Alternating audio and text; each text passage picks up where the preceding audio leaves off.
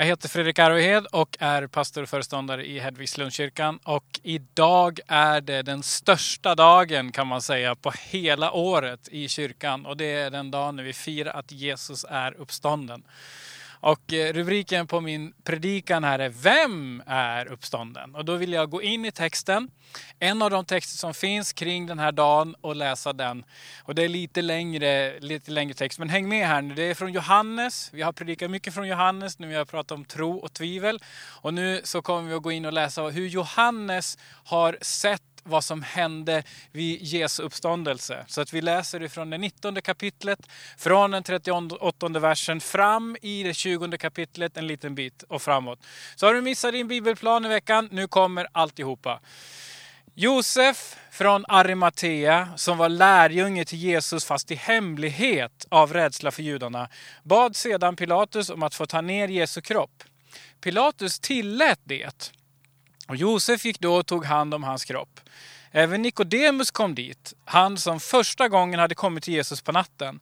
Han hade med sig en blandning av myrra, aloe, omkring 30 kilo.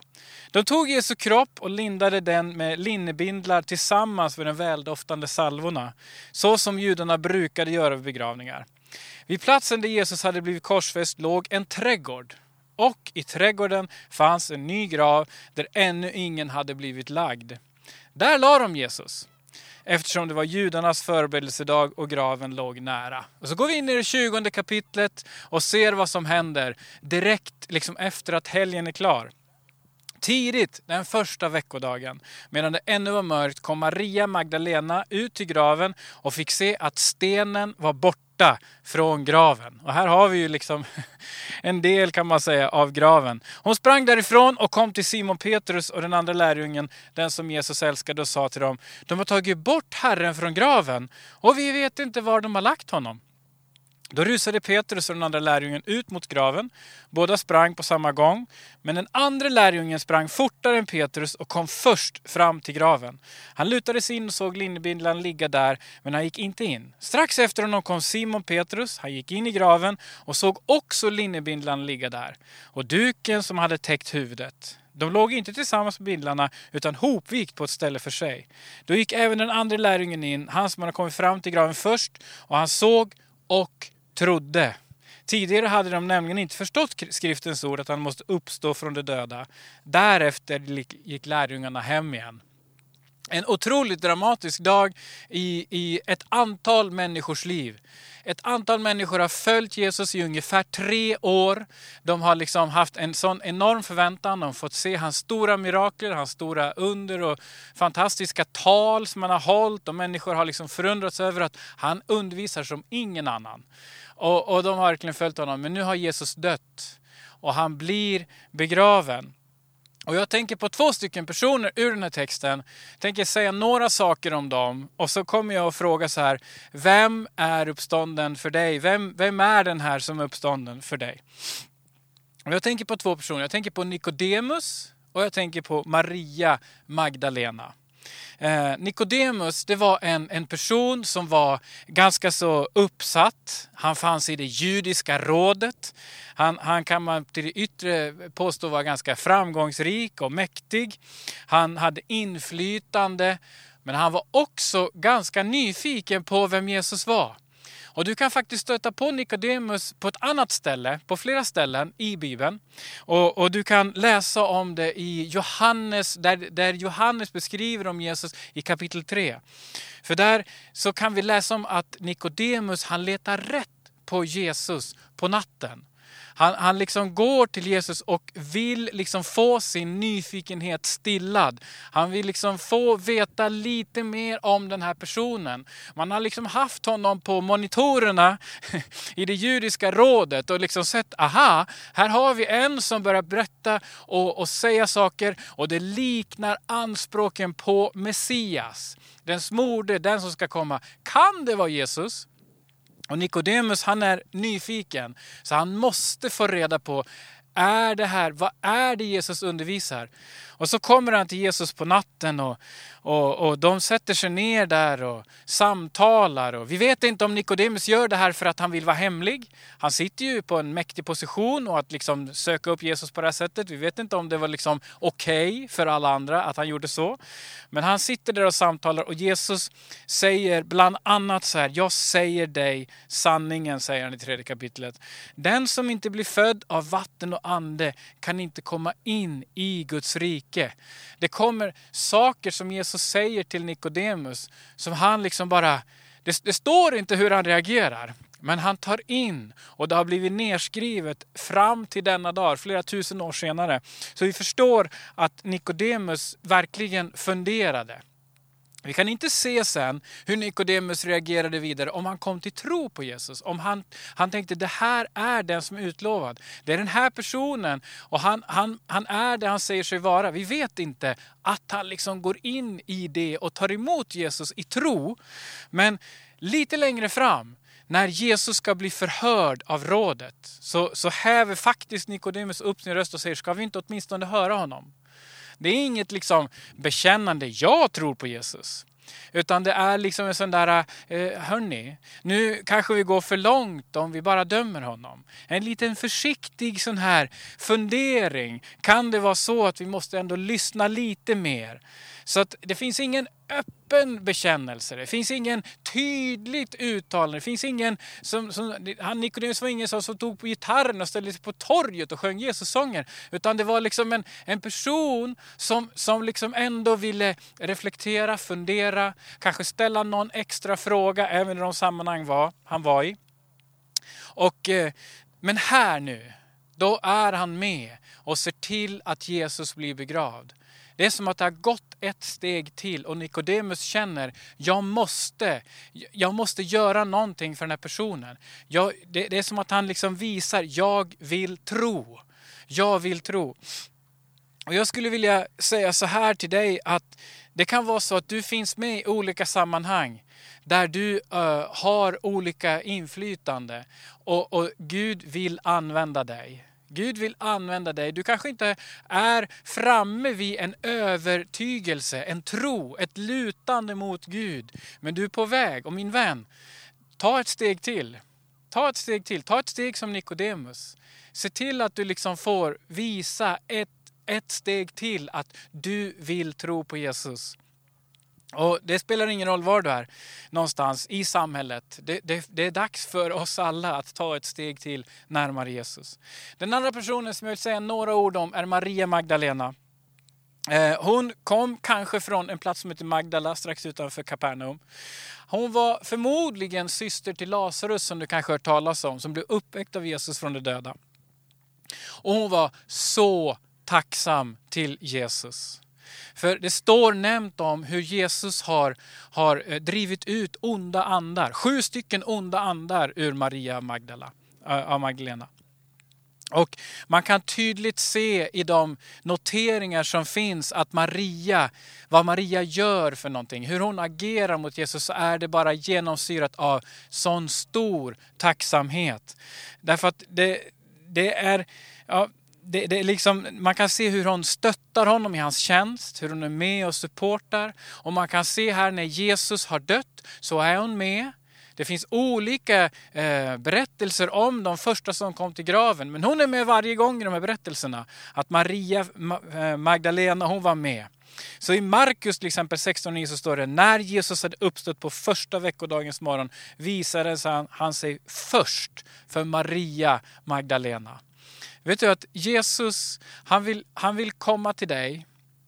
Han vill komma till dig precis som han, vill komma, som han kom till Maria Magdalena. Det var på ett sätt osmart av Jesus kan vi tycka i ett världsligt perspektiv. Därför att kvinnor hade ingen juridisk rösträtt. Så att få en, liksom, en bekräftelse på att det här var sant, att Jesus hade uppstått, då skulle han ju visa upp sig för Stora rådet eller för åtminstone de manliga lärjungarna. Nej, Jesus valde att först visa sig för den som hade visat honom tacksamhet. För den som hade, som hade kommit till honom i en, en situation av nöd. Och det hade funnits liksom en koppling. Maria Magdalena fick också tidigare visa sin tacksamhet genom att smörja honom med olja. Och återigen, Alltså att Jesus vänder sig till en kvinna och låter henne göra det här, det är så fantastiskt. Det är så fantastiskt för det kopplar tillbaka till hur Gud skapade man och kvinna jämlika. Det är någonting som Gud har skapat från början och som vi på olika sätt har förvridit och hittat olika roller och, och så här. Men Gud vill återställa sånt som han har tänkt från början. Det tycker jag är så helt suveränt bra. Ehm, det står om i Johannes kapitel 12 hur, hur, hur Maria smörjer Jesus inför hans begravning. Och det här är också liksom en uppfyllelse av att han skulle vara den smord, att han skulle vara Messias, den smorde. Så det finns så mycket som liksom stämmer in och som Maria får vara med om. Och hon är så tacksam. Och hon får också vara med då och möta Jesus. Om du vill vara en som möter Jesus, en som Jesus inte på något sätt går förbi, så är det här att söka Jesus och berätta sina behov, det är någonting som är viktigt. Att vara öppen med det. Du kan vara nyfiken, utforskande som Nikodemus. Du kan vara tacksam som Maria från Magdala. Tänk att, att Maria då som var så bunden av mörker, och jag tänker det på det i de här covid-tiderna som har varit. Vi kan känna oss liksom bundna av mörker. Det har inte gått sju år, utan det har gått ett år. Men vi kan känna att vi blir liksom mer och mer eh, bundna av att vi liksom inte riktigt kan göra det vi vill. Och vi börjar på att hitta nya sätt att leva och vi känner oss begränsade. Tänk att Jesus kan få lyfta av den här begränsningen i våra liv. Han kan liksom befria dig ifrån det mörker som vill hålla dig. Och mörker som håller oss, det kan vara fruktansvärt. Det går inte att tänka bort, det går inte att springa bort genom att motionera. Men att Jesus kan få vara med och lyfta av det, det är min fullständiga övertygelse. Och då kan man tänka så här, okej, okay, de här två personerna, de närmade sig Jesus med lite olika attityder, på lite olika sätt och utifrån lite olika eh, ställen i livet. Och, och, hur närmar du dig Jesus? I det här samtalet som Nikodemus hade med Jesus den där natten, då sa Jesus de här otroligt klassiska orden att så älskade Gud världen att han gav sig den sin enfödde son för att vara en som tror på honom inte ska gå förlorad utan ha evigt liv. Alltså, det här har vi sett och vi tror på att när vi genom tron kan närma oss Jesus Kristus så kan det också få bli den här försoningen som är. Därför att nu har vi med liksom en tom grav, en symbolisk tom grav. Det finns en vikt linneduk där inne. Han är uppstånden. Det var så att Jesus kunde inte hållas tillbaks. Därför att han hade ingenting, ingen skam, han hade inte gjort något fel, han hade inte gjort något tokigt. Utan han hade gjort något som var fantastiskt bra. Och, och, döden kunde därför inte behålla honom. Och då kan man fråga så här, ja men för dig då, som står där och pratar så länge om det här. Om andra personer för 2000 år sedan som, som hade en, en relation till Jesus, vad har du för relation till Jesus Kristus? Och då vill jag bara skicka med det här på slutet av min korta, enkla, lilla predikan, den här påskdagsgudstjänsten. Att för mig så är Jesus min kung. Han är, jag vill att han ska vara den som bestämmer mitt liv. Och Bibeln den säger att det är judarnas konung. Det är Israels konung, det är rättfärdighetens konung, folkens kung, himmelens konung, ärans konung, eh, herrarnas herre och konungars konung. Så det är min kung, men vad är han för dig? Det är det jag undrar. Och, och, vet du, min kung, han är en allsmäktig kung. Han kan utforskas, men inte räknas ut. Han är obegränsat mäktig, men aldrig oansvarig. Han är till av evighet, men han klev in i historien. Han är i centrum i hela skapelsen, men han tog på sig min skam. Han är av evighet till evighet, han är syndarens vän och den som helar. Han har älskat trots människors hat. Han var tyst inför de som anklagade honom. Han ger styrka åt den svage och kraft mitt i prövningen. Och nu kommer en radda namn på den här Jesus som är min kung.